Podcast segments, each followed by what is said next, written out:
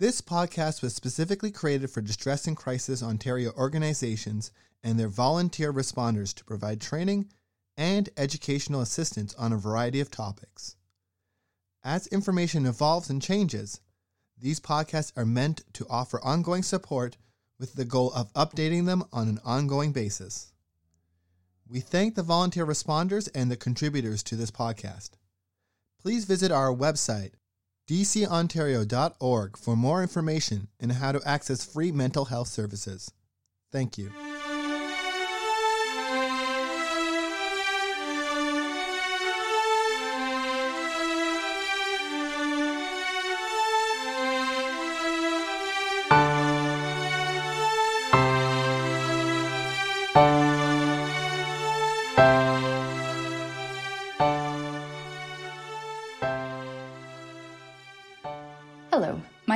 Caitlin Plant, and I'm the program manager at Distress and Crisis Ontario. Thank you for choosing to listen to our podcast. Last week, we talked about death and how you can try to prepare for the death of someone you know. Today, I will be sharing information on the grief and loss that follow a death and how you can care for yourself in the aftermath. The information in today's podcast comes from an article written by Alan D. Wolfelt, PhD, titled Helping Yourself at Your Time of Loss, which is shared on the Dignity Memorial webpage, as well as from a Psychology Today article written by Mary C. Lamia, PhD, titled Getting Lost from Loss. Someone you love has died. The first few days following a death can be very draining. You may be feeling numb and overwhelmed with all the details requiring attention. You may not know what you are expected to do. You may also fear doing the wrong thing. First of all, take a deep breath and realize that you are not alone. Many people are ready to help you plan the funeral and do all that must be done in the coming weeks. Be assured that your funeral director and staff associates will help you with the planning, paperwork, and the many details that follow a death. Especially if you have never planned a funeral before, know that they are working to ensure everything goes smoothly. Their experience will help guide you through the next several days. Feelings of shock, denial, numbness, and disbelief are nature's way of temporarily protecting you from the full reality of the loss. Especially if you had little or no opportunity to anticipate the death, you may feel dazed and stunned now and in the coming days. Trust that these feelings are normal and necessary. They serve as psychological shock buffers, giving your emotions time to catch up with what your mind has been told. You may also find yourself crying or laughing hysterically, having angry outbursts, or simply feeling foggy and unable to think. These are common things, but they can make it more difficult to plan funeral. Continue to ask others to help. Why do we have funerals? For thousands of years, funerals have been a means of expressing our beliefs, thoughts, and feelings about the death of someone we love. The funeral ceremony helps us acknowledge that someone we love has died, allows us to say goodbye, provides a social support system for loved ones, friends, and family members, allows us to contemplate the meaning of life and death, and offers continuity and hope for the living. Another way to think of the funeral is as a final tribute to the person who died. After the funeral, along with shock and numbness, you may feel a sense of relief that the quote, work of planning the ceremony and receiving friends and family members is over. This is also normal. It's also normal during this time to begin to feel more deeply the reality of the death. It's as if for the first time since the death that you've really had a chance to sit down and think about what it all means.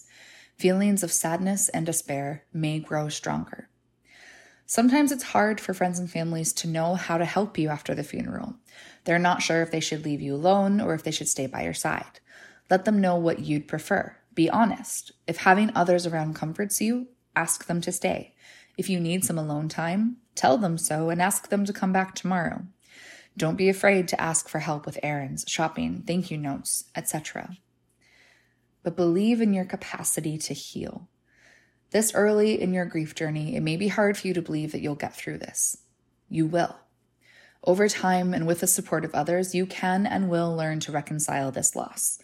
Although your pain may get worse before it gets better in the coming months and years, the intense feelings of grief will soften. The loss of any self defining aspect of our lives, a relationship, a job, a place called home, or the death of a loved one, may leave us with a sense of being lost and disconnected. Uncertainty, confusion, vulnerability, and disorientation can arise in response to the permanent and perhaps unexpected absence of a familiar person, place, or thing. We may experience the motivation for reconnection or restoration and any hopelessness associated with its futility as grief. Grief is not only a feeling of sadness or emptiness, but it can also involve losing part of our sense of self and our identity. Suddenly, we are incomplete. A sense of sameness, consistency, and continuity is intrinsic to the concept of a self.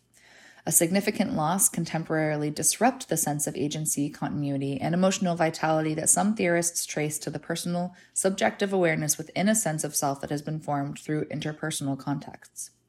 So, where we live is not just a home, but also a community. We are connected with others in our workplace. Our partners create a context in which we define ourselves. Thus, memories of someone or something we have lost affect how we view ourselves just as much as our sense of self influences how we recall the past and what we once had. Like sense of self, the word identity conveys a sameness or oneness. We become the author of our identity as we create a life story link together present, past, and future aspects of the self, and attach a sense of purpose to how we behave and think. The characteristics that define us, that set our identity, are imbued with a quality of sameness throughout time. Identity describes how we perceive ourselves and our commitments to beliefs and values. Along with answering the basic question of who we are, identity also involves a sense of belonging and acceptance, in contrast to feelings of rejection or self disgust. Loss may lead us to question the ways in which we belong and whether or not others will accept us given the changes that have taken place in us and in our lives.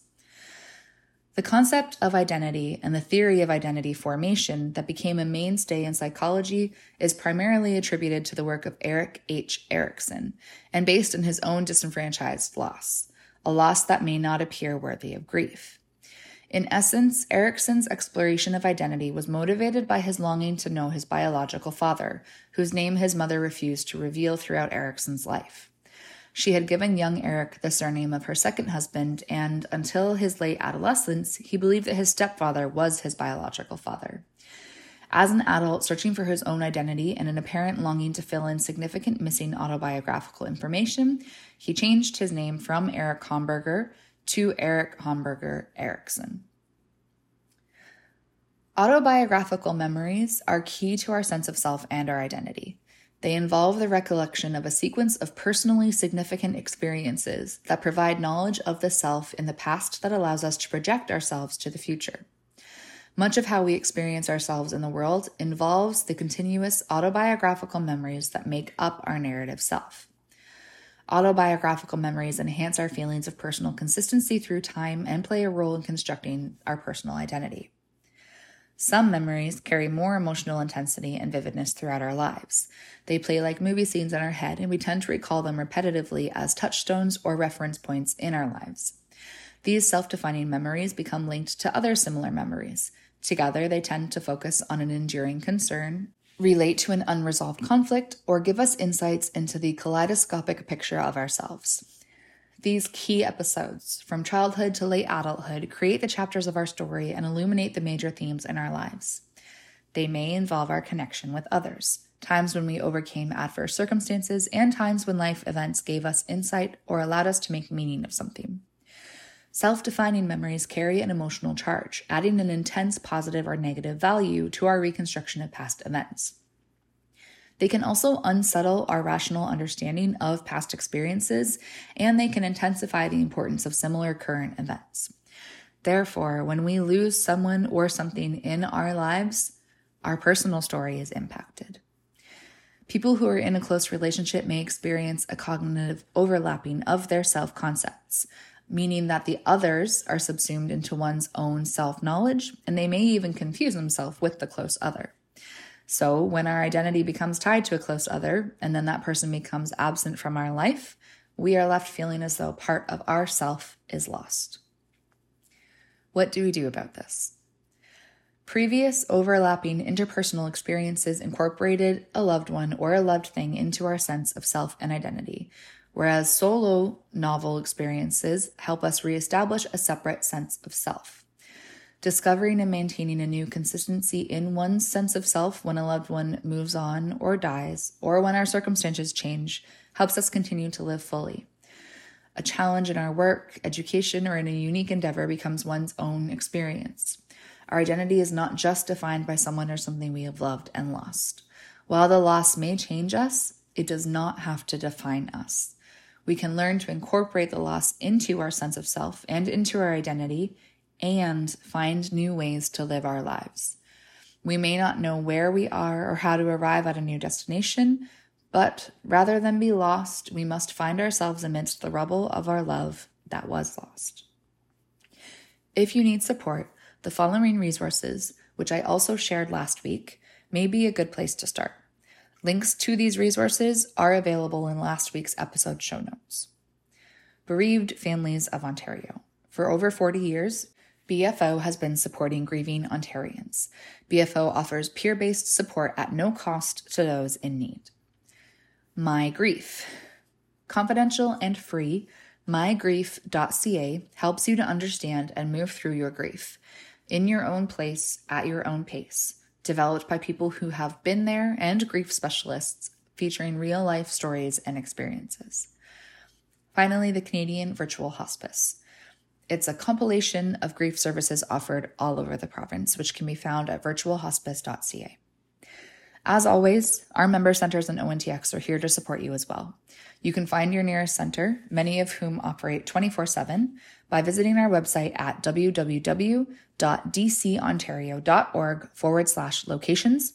And ONTX's online chat feature can be accessed from any page of our website using the Looking for Support sidebar. ONTX is available from 2 p.m. to 2 a.m. Eastern Standard Time daily and can also be accessed by texting the word support to 258 258. Thank you for listening to this week's podcast. If you have any feedback or would like to request future content, please do use the link in our show notes to fill out our feedback form. We would love to hear from you.